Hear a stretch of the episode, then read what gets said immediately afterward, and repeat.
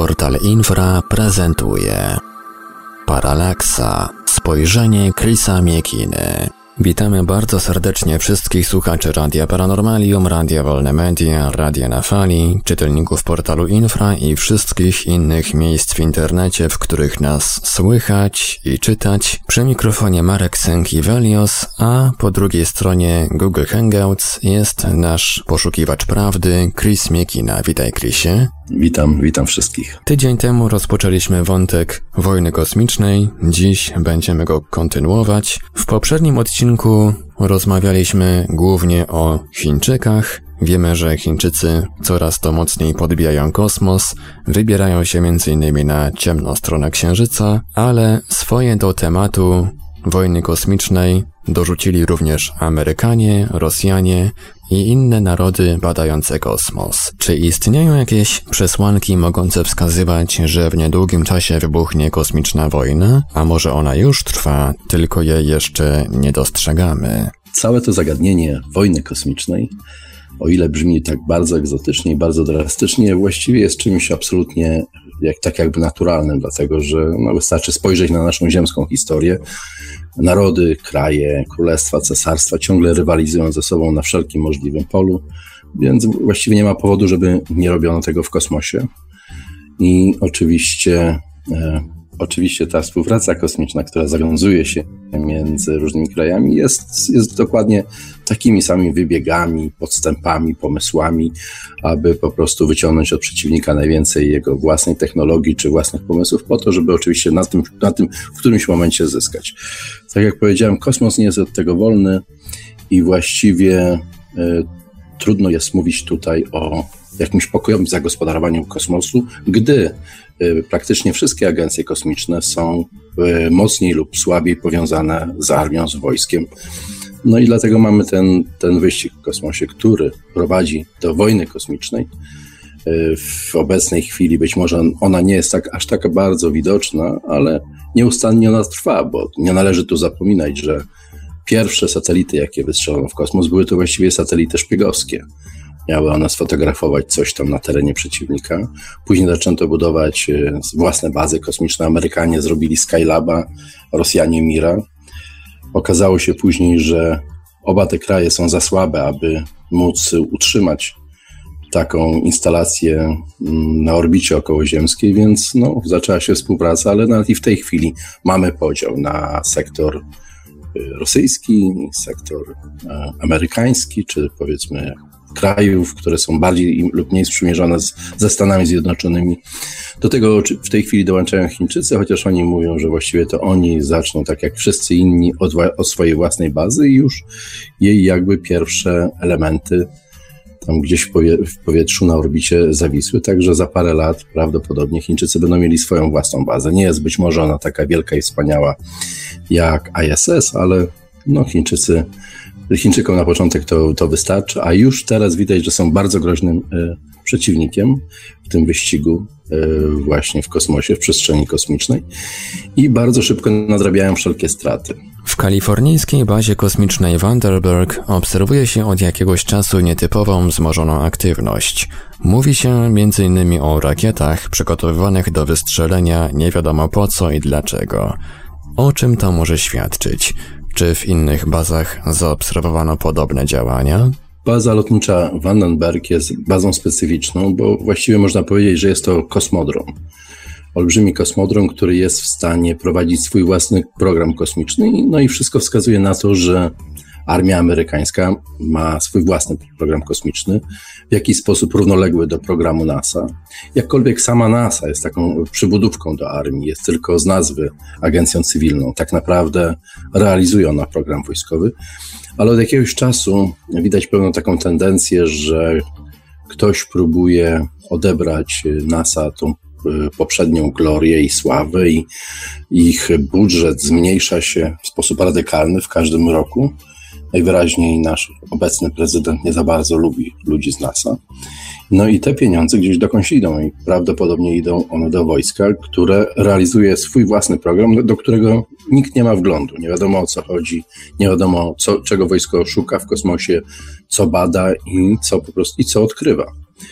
No i ta ta wzmożona aktywność głównie polega na tym, że wystrzeliwuje się coraz częściej, w miarę regularnie te wielkie, potężne rakiety balistyczne typu Atlas, które kiedyś miały atakować Związek Radziecki. Tyle, że tym razem zamiast ładunku wybuchowego, nuklearnego na przykład, znajduje się tam w kapsule albo na przykład jakiś satelita, albo ten ich najnowszy hit, czyli y, ten samolot kosmiczny y, X-31B, bodajże, mam nadzieję, że nie pomyliłem nazwy, który jest w stanie przebywać w przestrzeni kosmicznej ponad rok i zdobyć dane, które się od niego oczekuje, no i powrócić bezpiecznie na Ziemi. Praktycznie porusza się on w przestrzeni kosmicznej kompletnie niezauważony. Bardzo trudno jest go wytropić. Próbują go tropić e, tacy astronomowie amatorzy, którzy porobili na ten temat mnóstwo zakładów, że potrafią tą igiełkę w stogu siana znaleźć. Okazuje się, że zadanie nie jest takie łatwe, że to, co zrobiło wojsko, to na początku wykonało szereg manewrów tym samolotu podczas jego pierwszego lotu. Szereg manewrów, które były widzialne dla y, takich domorosłych astronomów, a także prawdopodobnie dla obcych wywiadów. No i później ten poziom trudności rósł, aż wreszcie przekonano się, że samolot jest już nie do odnalezienia. Samolot nie wysyła żadnych danych podczas swojego lotu, wszystkie je zbiera i magazynuje. I w oznaczonym czasie wraca z powrotem do bazy i nikt nie wie właściwie, co on robi, y, jakie zadania on tam w tej przestrzeni wykonuje. No i stąd właśnie wiadomo jest, że wojsko prowadzi intensywny program kosmiczny, ale nie wiemy praktycznie, czego on dotyczy. Jest kilka hipotez, na przykład, że prawdopodobnie instaluje e, urządzenia, które mają zakłócić bądź zniszczyć działanie jakichś obcych satelit, że przygotowuje się coś w rodzaju takiego właśnie yy, takiego systemu, który ma zadziałać w momencie, kiedy wybuchnie prawdziwa wojna i oczywiście trzeba będzie troszeczkę przeciwnikom namieszać w jego środkach zdobywania informacji, czyli przede wszystkim y, zniszczyć satelity, bo w chwili obecnej satelity, bez satelit bardzo trudno sobie wyobrazić życie. GPS-y przede wszystkim, y, przekazywanie sygnałów, przede wszystkim przez telef telefonicznych sygnałów, czy nawet i radiowych sygnałów, odbywa się za pomocą satelit, przekazywanie obrazu.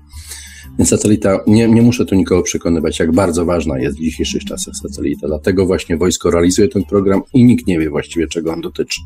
Tak, tak dokładnie. Tydzień temu trochę miejsca poświęciliśmy CERNowi w Genewie, między innymi wielkiemu zderzaczowi hadronów. Dzisiaj troszeczkę dłużej o nim podyskutujemy. Chrisie, w jakim stopniu i w jaki sposób działalność wielkiego zderzacza hadronów może wpływać na magnetosferę Ziemi? No właśnie, ten zderzacz hadronów co jakiś czas ląduje na pierwszych stronach gazet. Tak naprawdę to nikt nie wie, do czego ono właściwie służy. Ostatnim razem opowiadałem troszeczkę o nim jako o maszynie, opowiadałem o nim w sposób taki entuzjastyczny, że może się on naszej cywilizacji do czegoś przysłużyć, popchnąć tą naszą technologię do przodu i po prostu tą małą planetkę poszerzyć o, o to, żeby, że, że my, ludzie, będziemy mogli tam docierać w inne zakątki kosmosu. Okazuje się jednak, że jak każdy kij ma dwa końce, tak jest i też w tym przypadku, bo właśnie na takiej stronie y, truthstreammedia.com właśnie przeczytałem bardzo interesujący artykuł i była to analiza y, pewnego użytkownika YouTube o pseudonimie BP Artwatch, y, który y, dokładnie obserwuje to, co się dzieje y, na granicy francusko-szwajcarskiej, jak działa ten zderzacz e, hadronów. I kiedy zaczął analizować pewne dane, e, jakie e, można przeczytać na stronie CERN-u, odkrył nagle, że w momencie, kiedy ten wielki zderzacz zaczyna działać, czyli budować to swoje gigantyczne, niesamowite pole elektromagnetyczne, w jaki sposób wpływa to na pole magnetyczne naszej Ziemi. I teraz y, wydawałoby się, że mimo, że ta maszyna jest wielka, jest zbyt mała, by mogła wpłynąć na y, niemalże całą planetę. Okazuje się jednak, że za każdym razem, kiedy zderzacz hadronów działa i wzbudza swoje własne pole elektromagnetyczne, w jaki sposób zakłóca to, co dzieje się w magnetosferze, że nagle pojawiają się szczeliny, przez które wnika wiatr ten słoneczny, pełen naładowanych cząstek. No i w niektórych sytuacjach po prostu jest groźnie, bo wiadomo, że wiatr kosmiczny to promieniowanie. No i dla nas takie promieniowanie jest zabójcze. I teraz y, szukając jakiejś przyczyny, dlaczego ta magnetosfera nagle y, słabnie, chyba y, należy to rozumieć przez to, że zderzacz hadronów nie tylko y, oddziaływuje na to, co dzieje się w przestrzeni kosmicznej, ale także oddziaływuje na jądro Ziemi, które jest przecież taką kulą żelazowo z żelaza i niklu, które nieustannie się kręci i ona buduje to pole elektromagnetyczne, pole magnetyczne właściwie, pole magnetyczne Ziemi, czyli magnetosferę. No i prawdopodobnie zderzacz hadronów wpływa również na to, co dzieje się w samym rdzeniu Ziemi, w samym jej centrum i w taki sposób e, po prostu zakłóca to, co się dzieje w przestrzeni kosmicznej. Dla, tak, dla wyjaśnienia dodam jeszcze, że magnetosfera to jest taka część przestrzeni otaczającej obiekt astronomiczny, jest to definicja e, z Wikipedii, gdzie poprzez pole magnetyczne są właśnie te naładowane cząstki.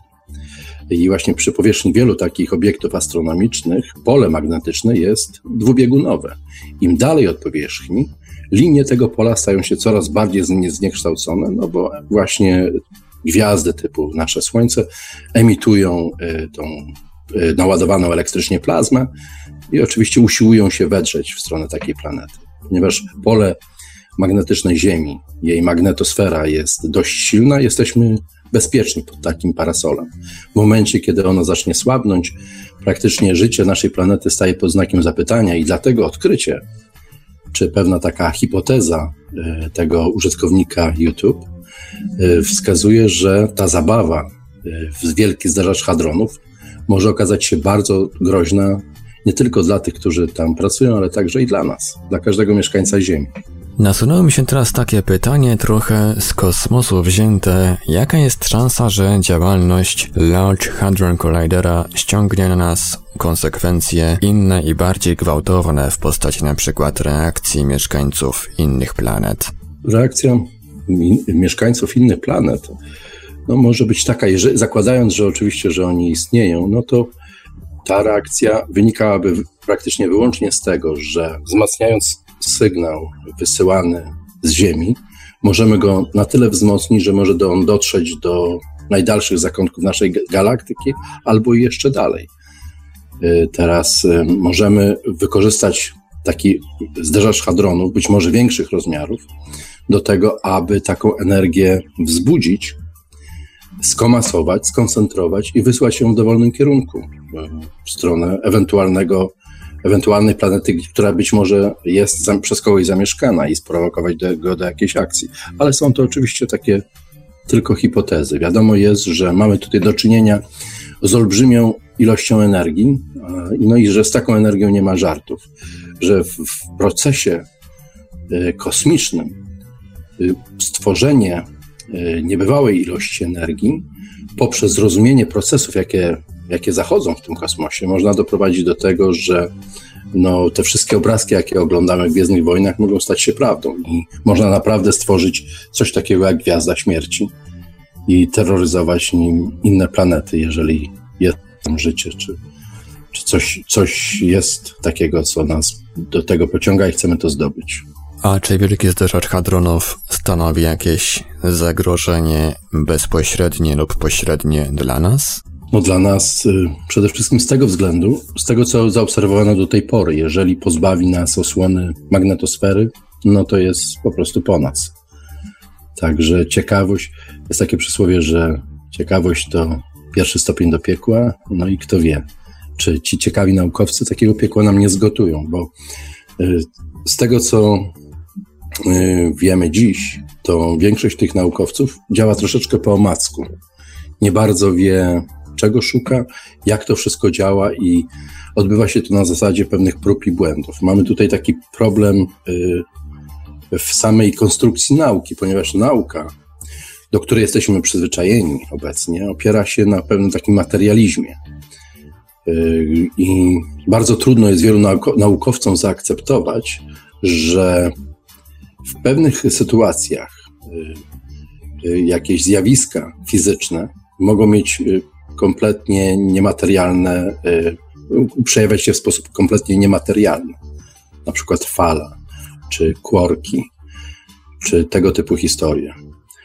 Także to, że na przykład z niczego może powstać coś, jak, jak udowodniono to przy próbach z super silnymi laserami, kiedy z próżni przy pomocy właśnie uderzenia bardzo silną wiązką laserową można było stworzyć coś, czyli był to jakiś powiedzmy molek, jakaś molekuła czegoś, niewielka, ale fakt jest taki, że z niczego powstało coś, co zaprzecza kompletnie y, naukowemu podejściu współczesnej nauki. Dlatego wielu tych y, naukowców jest y, uważanych, tych, którzy ewentualnie wierzą w istnienie tego typu oddziaływania uważa się za często za szarlatanów. Nawet jeżeli przejrzymy sobie Wikipedię, na przykład przejrzymy sobie wpis poświęcony na przykład polu torsyjnemu, od razu na, pod spodem pierwszy, pierwsza wzmianka jest taka, że jest to teoria pseudonaukowa. Tymczasem okazuje się, że coś w tym jednak jest i pole torsyjne da się wzbudzić, można je już y, w jakiś sposób udowodnić i że lada chwila stanie się to faktem, a być może w tej chwili już jest to wykorzystywane gdzieś w jakichś tajnych laboratoriach, w, w ramach jakichś super tajnych programów, czarnych programów, o których często rozmawialiśmy wcześniej, także w paralaksie. Podobno podczas działania LHC w zeszłym tygodniu w wielu miejscach na Ziemi zaobserwowano czerwoną zorzę polarną. Co to może oznaczać? Czy podobne anomalie obserwuje się za każdym razem, gdy urządzenie jest uruchamiane? Akurat skojarzono to y, tym razem, dlatego że zaczęto się przyglądać temu, co dzieje się y, z magnetosferą podczas działania y, y, z wielkiego zderzacza hadronów. No i jak wiadomo, zorza jest zjawiskiem dość powszechnym. Praktycznie w warunkach polarnych, gdzie ta magnetosfera jest najsłabsza, jest ona widoczna bardzo, bardzo często podczas, podczas nocy polarnej. I Y, tyle, że ta zorza zazwykle ma taki y, odcień zielonkawy. Zorza czerwona jest zorzą rzadką. Pojawia się od czasu do czasu, ale jest zorzą rzadką. Oznacza to, że ilość y, wpuszczanych do atmosfery ziemskiej cząstek, tych naładowanych cząstek wiatru słonecznego jest prawdopodobnie większa. One same są większe, a także ładunek, który niosą, jest większy. Dlatego zmieniają kolor, zapalają się inaczej. I tu wskazywałoby to, że ta zorza paliła się na, czerwono, to wszystko wskazywałoby na to, że no, coś rzeczywiście się wydarzyło, że rzeczywiście y, ta nasza magnetosfera rozrzedziła się na tyle, że coś bardzo silnie wdarło się no, do środka y, tej strefy, która powinna być zamknięta dla tego typu y, wydarzenia, czy tego typu działania kosmicznego. Czyli być może jest to właśnie znak ostrzegawczy, że dzieje się coś nie tak. Zastanawia mnie, jak to możliwe, że takie w skali całej Ziemi stosunkowo małe urządzenie jak Large Hadron Collider jest w stanie wpływać na całą planetę i wywoływać globalne skutki. No tu trzeba dodać, trzeba powiedzieć, że e, taki mały zderzacz hadronów no, dysponuje dość potężną siłą, bo te magnesy, które rozpędzają e, rozpędzają tą całą maszynerię, rozpędzają y, te protony, które później zderzają się ze sobą z niezwykłą siłą, no to one produkują y, moc 100 tysięcy razy większą niż ta, która panuje na Ziemi. I teraz y, ci naukowcy, którzy obsługują zderzacz, oni systematycznie zwiększają tą moc. No i siłą rzeczy widać wpływ tego, co się dzieje na Ziemi. Y, na dodatek naukowcy, nie rozumiejąc dokładnie jeszcze w jaki świat, właśnie troszeczkę ryzykują, ponieważ y, y, nie do końca są w stanie przewidzieć, jaki będzie efekt tego działania. I dlatego właśnie ta zabawa, taki mały zderzacz hadronów może mieć tak ogromny wpływ na całą kulę ziemską. Tak jak powiedziałem wcześniej, nie tylko wpływa na to, co się dzieje w przestrzeni kosmicznej, ale przede wszystkim na to, co się dzieje właśnie z jądrem atomowym, który, który jest, samo w sobie jest źródłem tej właśnie magnetycznej osłony Ziemi. I dlatego właśnie w pewnych warunkach może doprowadzić do nieobliczalnych skutków i efektów. Kiedyś y, opowiadałem o tym w którejś paralaksie, że astrologia czy alchemia są tymi dziedzinami wiedzy, które niesłusznie ośmieszono i wyrzucono z kanonu i stały się symbolem właśnie szarlatanerii, oszustwa czy czegoś kompletnie nieprawdziwego. Y, w astronomii, astrologii, w astrologii i w alchemii mamy często do czynienia ze zjawiskami, które z punktu widzenia naszej współczesnej nauki, materialistycznej nauki, są absolutnie niezrozumiałe. Mamy tutaj do czynienia z transmutacją, czyli przechodzenia czegoś z jednego stanu w drugi bez jakiegoś logicznego uzasadnienia. Mimo to takie zjawisko się rozgrywa i rzeczywiście można, tak jak pisałem to kiedyś, opisałem to kiedyś w Nowej Atlantydzie, można na przykład z ołów zamienić w złoto w pewnych określonych warunkach. Czyli taka transmutacja jest możliwa. Podobnie dzieje się z astrologią, że śmiejemy się, że horoskopy są tylko dla zabobonnych albo ewentualnie dla rozrywki, jednak od tysięcy lat ludzie w te horoskopy w jaki sposób wierzą, y, budowali je od tysięcy lat. Każdy niemalże naród ma swoją wizję, w jaki sposób siły kosmiczne oddziaływują na jednostkę. I tu okazuje się z czasem, dochodzimy do wniosku, że jednak coś w tym jest, że rzeczywiście istnieje jakaś, jakieś prawa kosmiczne, które decydują o pewnych warunkach, jakie rozgrywają się w kosmosie i one wpływają w tym swoim ogromie, w tej swojej ogromnej masie tego wszechświata, wpływają na każdą jednostkę, każdego człowieka, każde właściwie zdarzenie. Dlatego mówiąc, że y, jako w niebie, tak i na ziemi, że to, co w górze odzwierciedla to, co na dole w dużo mniejszej skali, można to odwrócić i z tej małej naszej Ziemi, a w tym przypadku z takiego małego zdarzacza hadronów, możemy y, spowodować, czy właściwie podpalić ląd czegoś ogromnie wielkiego, niebezpiecznego być może, a rozumiejąc tego typu zjawiska, czegoś bardzo pożądanego i pozytywnego. I teraz y, takim efektem tego tej, tej działalności, takiego właśnie naruszania takiej ziemskiej magnetosfery i naruszania tego żelaznego jądra w kuli ziemskiej, mogą być na przykład poważne trzęsienia ziemi. I akurat właśnie kilka dni temu mieliśmy, do, mieliśmy w wiadomościach historię o trzęsieniu ziemi w Chile o ponad 8 stopni w skali Richtera, czyli trzęsienie ziemi potworne, niespotykane, praktycznie nierejestrowane y, w ciągu ostatnich kilkudziesięciu lat o, takiej, o tak poważnej i potężnej sile. I teraz nikt nie wie, z czego to wynika, co się stało, co spowodowało, że takie trzęsienie ziemi zostało wywołane. I być może właśnie jest to bezpośredni efekt działalności tego zderzacza hadronów.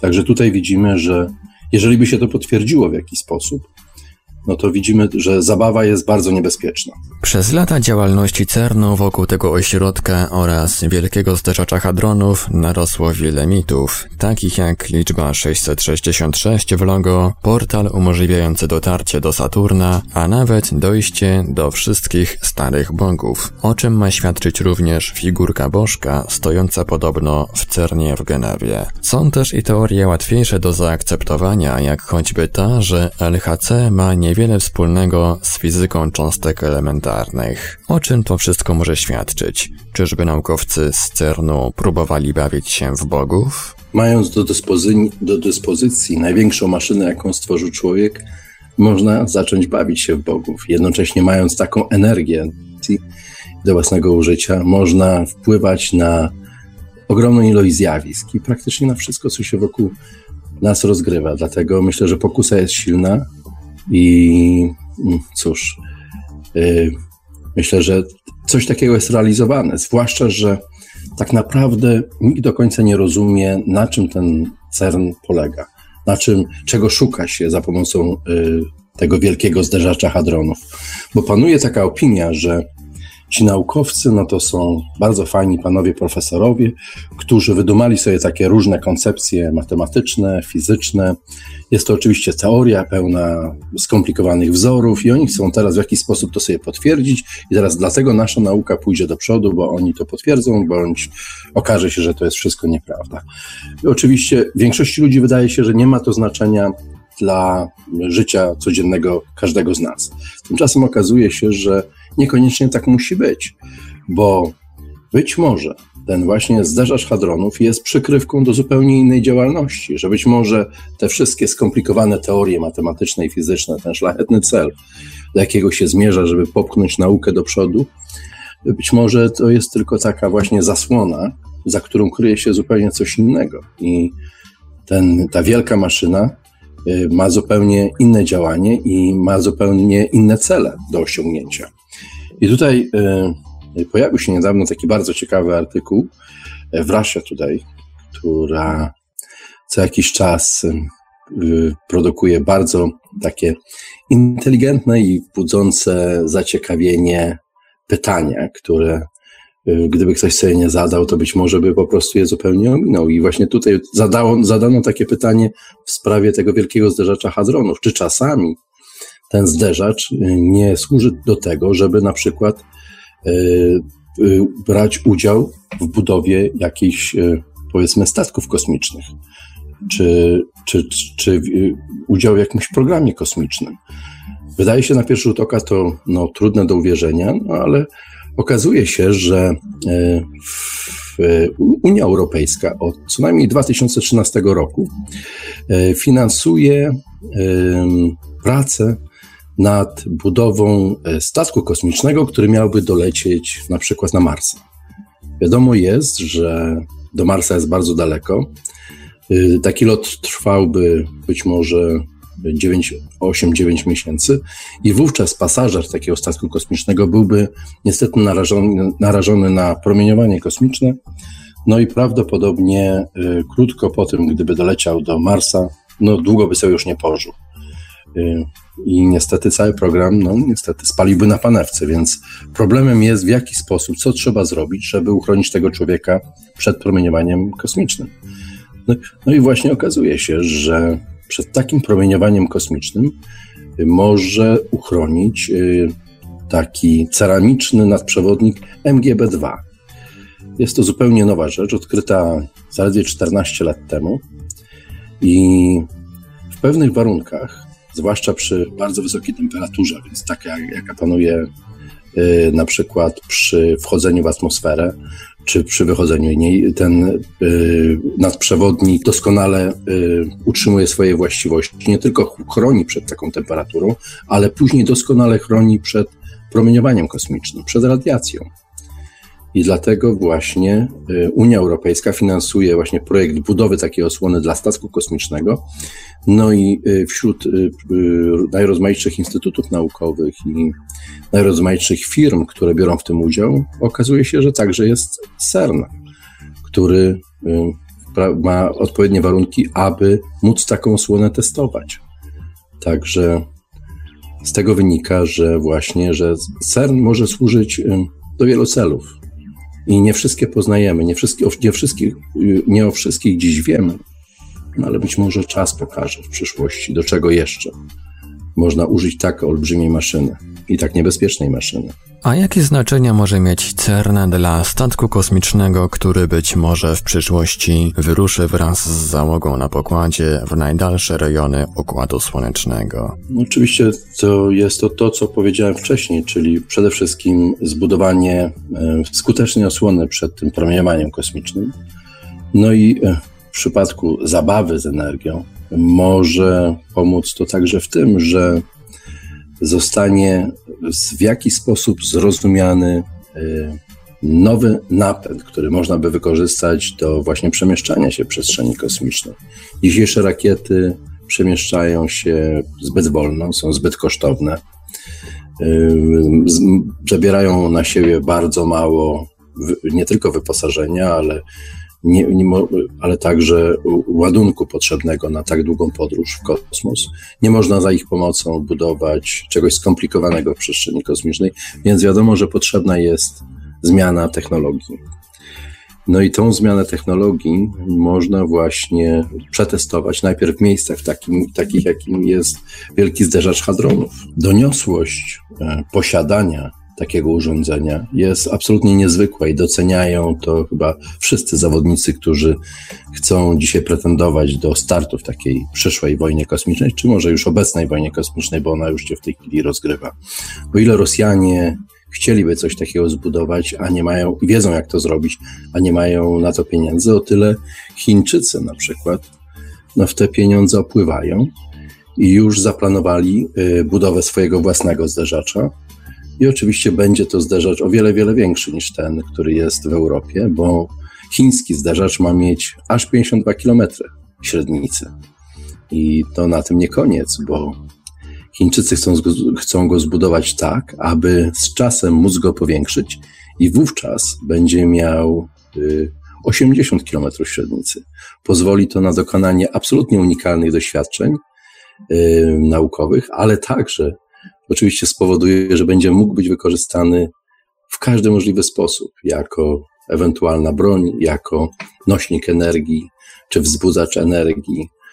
Y, dlatego no, te skutki mogą być nieobliczalne tego, gdy Chińczycy dostaną coś takiego w swoje ręce. Nie oznacza to, że obecnie jest we właściwych rękach.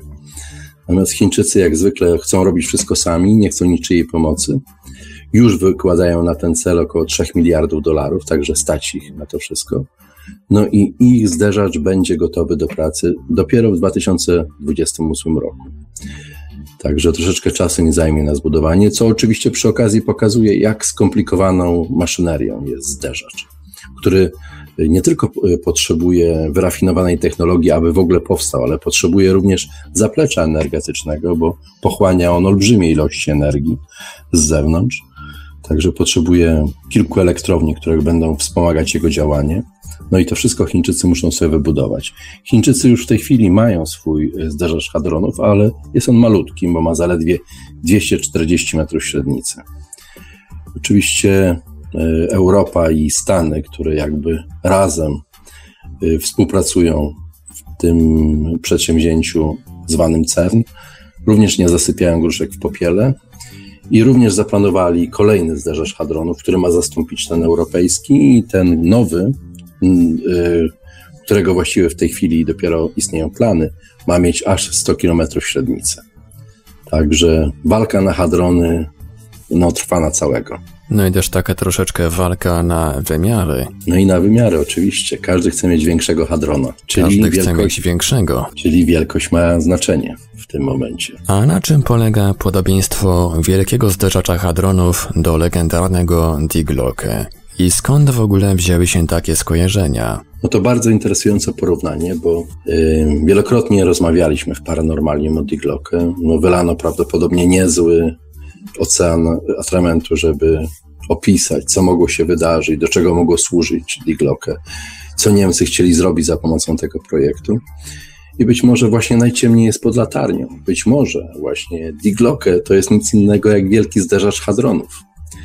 E, jest, istnieje wiele, bardzo wiele podobieństw. Oczywiście mamy takie troszeczkę mgliste opisy, jak wyglądał e, ten niemiecki dzwon w, w tym projekcie, który realizowany był także na dzisiejszym terytorium Polski. I y, tych wiele, tych te, te, elementy, które w jakiś sposób y, są spójne, to oczywiście ogromna ilość energii, która była potrzebna do uruchomienia jednego i drugiego, a także systemy chłodzenia płynami kryonicznymi e, i, e, i jednocześnie, kiedy opisywano ten niemiecki Diglocke, były tam właśnie, znajdowały się tam jakieś co, coś w rodzaju wielkich kul, w których miała znajdować się płynna rtęć. No i właśnie to przypomina te płyny właśnie chłodzące. Y, które y, w jakiś sposób y, pozwalają ostudzić magnesy, które rozpędzają te cząstki elementarne, które następnie zderzają się ze sobą, jest, tworzy się jakiś, i tworzy się właśnie jakiś proces. I tym takim ciekawym procesem, który jakby procesem ubocznym, a być może wcale nie ubocznym, być może najważniejszym, który tworzy się podczas działania wielkiego zderzacza hadronów, jest y, powstanie nagle takiego efektu y, skalarowego, efektu pola torsyjnego, które właśnie, tak jak powiedziałem wcześniej, do dziś jeszcze uznawane jest za pseudonaukę, ale coraz więcej wskazuje na to, że lada chwila trafi to do mainstreamowej fizyki i lada chwila będzie oficjalnie wykorzystywane w najrozmaitszych przedsięwzięciach. Być może już kiedyś było to wykorzystane, być może nie jest to wcale pomysł aż taki nowy i być może Diglocke wcale nie zaginęło, bo jeśli przyjrzymy się kontrowersjom lotu Apollo na Księżyc, i jak wiemy, istnieją takie dwa silne obozy. Jedni mówią, że Apollo nigdy nie był na Księżycu, bo wszystko nakręcił Kubrick. Inni mówią, że absolutnie musiał być, no bo są na to dowody, bo przywieziono kamienie księżycowe, bo zrobiono fotografie, bo istnieje ciągle to Apollo, które tam poleciało. Ale okazuje się też, że w międzyczasie, że zginęły filmy. Jest mnóstwo kontrowersji związanych z tym y, lotem na Księżyc, czy z kilkoma nawet lotami na Księżyc. Niektórzy uważają, że Amerykanie tam nigdy nie byli i że wszystko jest wielka ściema. Mnie się wydaje, że ta wielka ściema jest bardzo na rękę tym, którzy byli na Księżycu, bo jestem przekonany, że na Księżycu byli. A ta ściema istnieje po to i te, te całe kontrowersje istnieją po to, żeby nikt tak naprawdę nie analizował, nie przyglądał się tej maszynce, na której y, y, astronauci amerykańscy dolecieli na Księżyc. Być może już wtedy y, Diglocke został wykorzystany do tego, aby właśnie Apollo mógł nie tylko spokojnie wylądować na powierzchni Księżyca, ale także od niego się odbić i wrócić z powrotem do swojego statku bazy. Jednocześnie astronauci ci, którzy byli Y, ten cały czas, y, ten, y, spędzili ten czas właśnie na powierzchni Księżyca, byli narażeni bardzo silnie na promieniowanie kosmiczne, bo przecież Księżyc właściwie nie ma swojej atmosfery, więc to promieniowanie dosłownie ich taranowało to na powierzchni Księżyca. Nigdy nie mieli problemów z jakimiś objawa, objawami choroby popromiennej. Co wskazuje również na to, że być może właśnie system, który w tej chwili testuje się w CERNie, system tej osłony przeciw e, promieniowaniu kosmicznemu. Być może już wtedy był w jakiś sposób, no, nie tylko w powijakach, ale były przynajmniej pierwsze wersje nie tylko testowane, ale używane przez tamtych właśnie astronautów. Także coś jest tu na rzeczy. Nie wiemy, nie jesteśmy w stanie do końca stwierdzić, czy rzeczywiście jest to dzwon, ale zbyt wiele jest właśnie podobieństw tak właśnie tego projektu Diglocke do tego, co się dzieje właśnie w CERNie. Y, I takie urządzenia, jak właśnie Diglocke, y, od dawna podejrzewano, że y, stosowało właśnie do swojego działania takie pole skalarowe, które potrzebuje tej olbrzymiej ilości energii. I, i to samo praktycznie dzieje się w zderzaczu hadronów, gdzie ten y, synchrotron rozpędza te molekuły. I, I właśnie powstaje wówczas y, to pole torsyjne. To pole torsyjne, to mityczne pole torsyjne, najłatwiej wytłumaczyć na takim przykładzie pustej puszki po Coca-Coli. Jeśli wziąć taką puszkę w obie ręce i wykręcić ją, czy wyrząć ją, tak jak się wyżyma na przykład mokry ręcznik, wiadomo, skręcimy metal w taką spiralę, aż on właściwie w pewnym momencie popęka. I tak samo działa pole torsyjne, tylko że ono w taki sam sposób skręca właśnie tą y, czasoprzestrzeń, która nas otacza.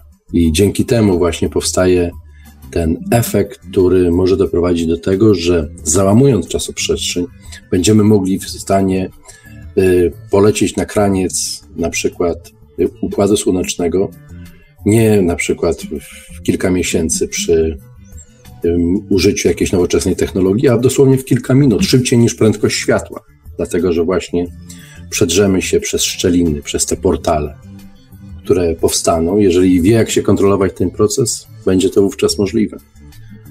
Także tutaj właśnie widać to podobieństwo pomiędzy Diglocke i, e, i właśnie tym, co się dzieje na granicy szwajcarsko-francuskiej. Być może właśnie e, Diglocke nigdy nie zginął, tylko to, co, na co patrzymy dziś, e, tak strasznie silnie wpływa na pole magnetyczne Ziemi, jest, e, jest właśnie kolejną, najnowszą wersją tego mitycznego urządzenia, które stworzyli naziści. I to by było na tyle, przynajmniej na razie, jeśli chodzi o CERN i wielki zderzacz hadronów. Teraz na koniec tego odcinka przejdziemy do wątku, który na pewno ucieszy mole książkowe licznie słuchające Radia Paranormalium. Krysie, mieszkając w Stanach Zjednoczonych masz dostęp do wielu unikalnych, niedostępnych w Europie pozycji książkowych. Co ciekawego miałeś ostatnio okazję przeczytać? Która z książek szczególnie przykuła Twoją uwagę? Może jest to przesada, że mam do czynienia z jakimiś unikalnymi pozycjami. Właściwie każdy ma do nich dostęp, jeżeli chciałby troszeczkę mocniej czy głębiej poszukać. Jedyna moja maleńka przewaga być może polega na tym, że obserwując to, co się dzieje na bieżąco mniej więcej, e, w takim bardziej alternatywnym pojęciu świata i wśród autorów, którzy piszą jakieś tam nowe pozycje, mniej więcej wiem, że można oczekiwać czegoś nowego, czegoś bardzo interesującego, no i właśnie mogę mieć taką pozycję, powiedzmy, w kilka minut po jej pokazaniu się, na przykład na Amazonie. Także to nie jest jakiś tam wielki wyczyn, ale oczywiście mm, jest to dzięki temu, że mam dostęp do różnych informacji na bieżąco, czy sam je próbuję zbierać dla siebie. No, takie książki zdobywam. No i staram się tam wyszukać jakieś ciekawe historie, ciekawe zdarzenia i rzeczy. No i ostatnio padła mi w rękę książka Michaela Sali. Michael Sala to jest taki dość kontrowersyjny, można powiedzieć, eksopolityk, który zajmuje się głównie tym, że chce wykazać, że związki pomiędzy najrozmaitszymi wydarzeniami, jakie dzieją się na Ziemi, wśród wielkich i możnych tego świata, są w jakiś sposób połączone z istotami pozaziemskimi. Pisze o tym serię książek. I ostatnia jego pozycja to jest e, Insiders Reveal Secret Space Programs and Extraterrestrial Alliances. I książka dotyczy właściwie jednego, jednej osoby, którą jest Cory Good. Jest to człowiek, który y, miałby, powiedzmy, przez ostatnie 20 lat pracować w jakimś jednym z tych takich programów znanych pod nazwą Milabs.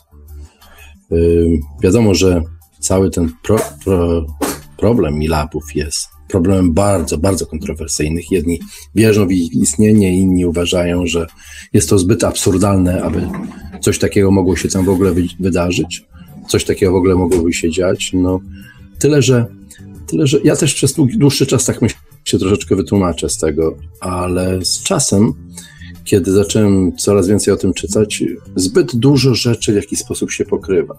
Zbyt dużo rzeczy e, jakby intuicyjnie odczuwam, że nie mogą być w ogóle wytworem fantazji. Na dodatek większość tych ludzi, mówiąc większość, nie mam na myśli całej armii, mam na, na myśli kilka osób, które o tym opowiada, właściwie tak naprawdę jest, nic z tego nie ma oprócz botów. Także nie ma też takiej jakby przesłanki, dlaczego oni to robią. Więc nie robią tego dla sławy, nie robią tego dla pieniędzy. No i właśnie tutaj pojawia się postać Cory Gooda, który pracował właśnie w, Milab, w Milabie, w takim czarnym programie, już od szóstego roku życia.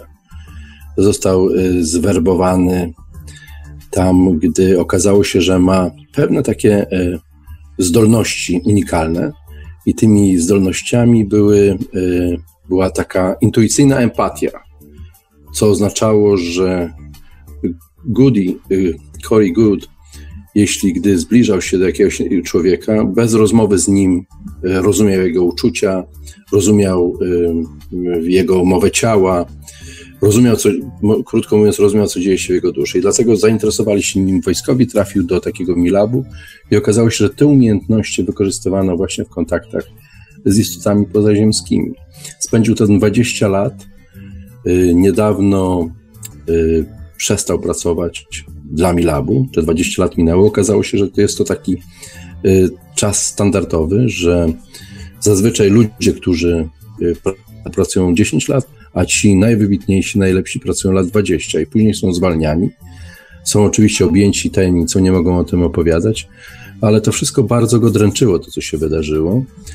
I inni, y, mam tu na myśli ludzi, którzy zajmują się właśnie takim alternatywnym podejściem do tłumaczenia zjawisk w świecie, y, odkryli, że jest, to, jest coś z nim nie tak, że on ukrywa jakąś tajemnicę.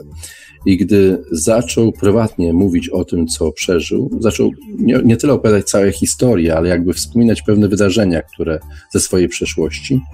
Ktoś je nagłośnił bez jego wiedzy, no i w tym momencie jego nazwisko stało się bardziej znane. Wpadł przez to mnóstwo kłopotów.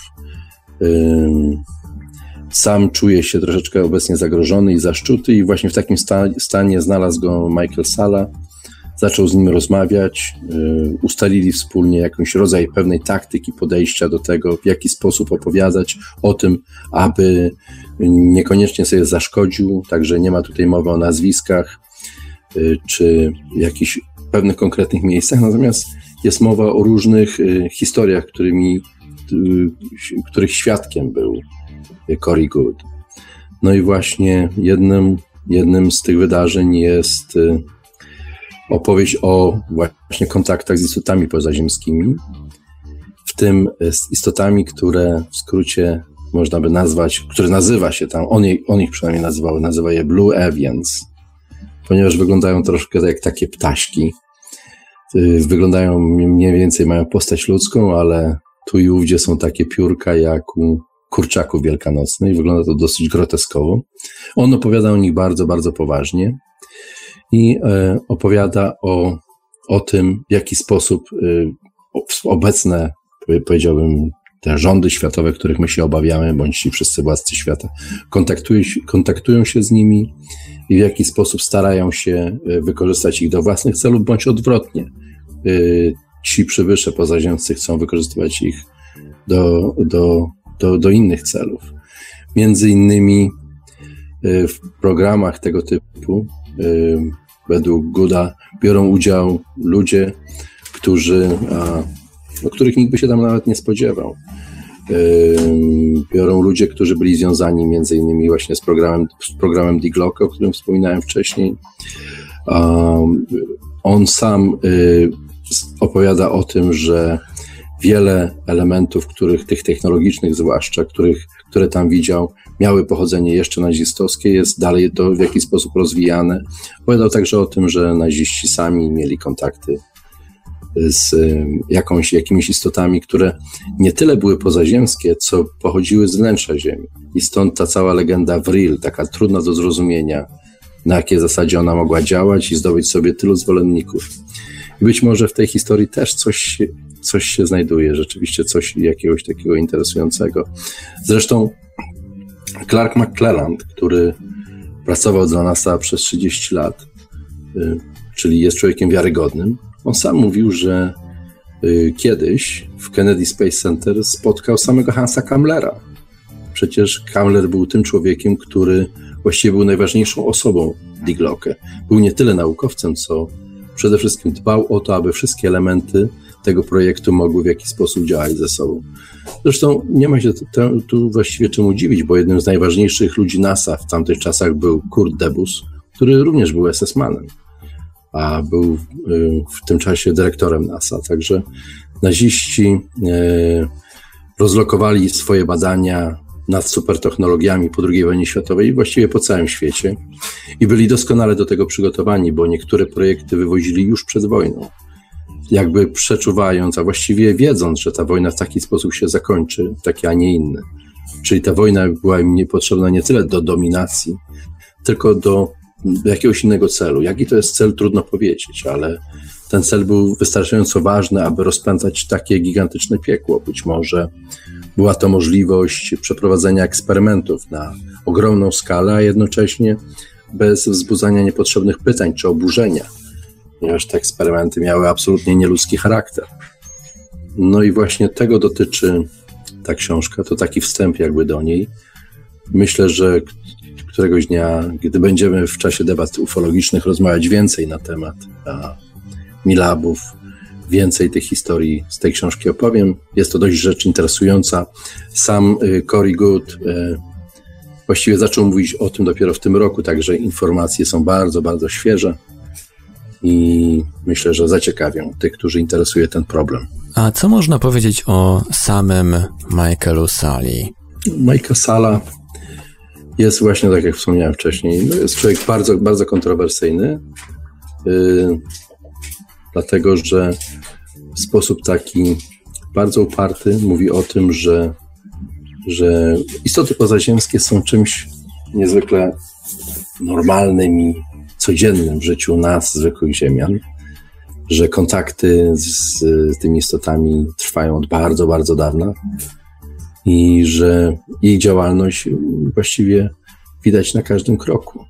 Tyle, że jest skrzętnie zamiatana pod dywan przez media, które są kontrolowane. I, a wszyscy ci, którzy chcieliby o tym powiedzieć coś więcej, są skutecznie uciszani.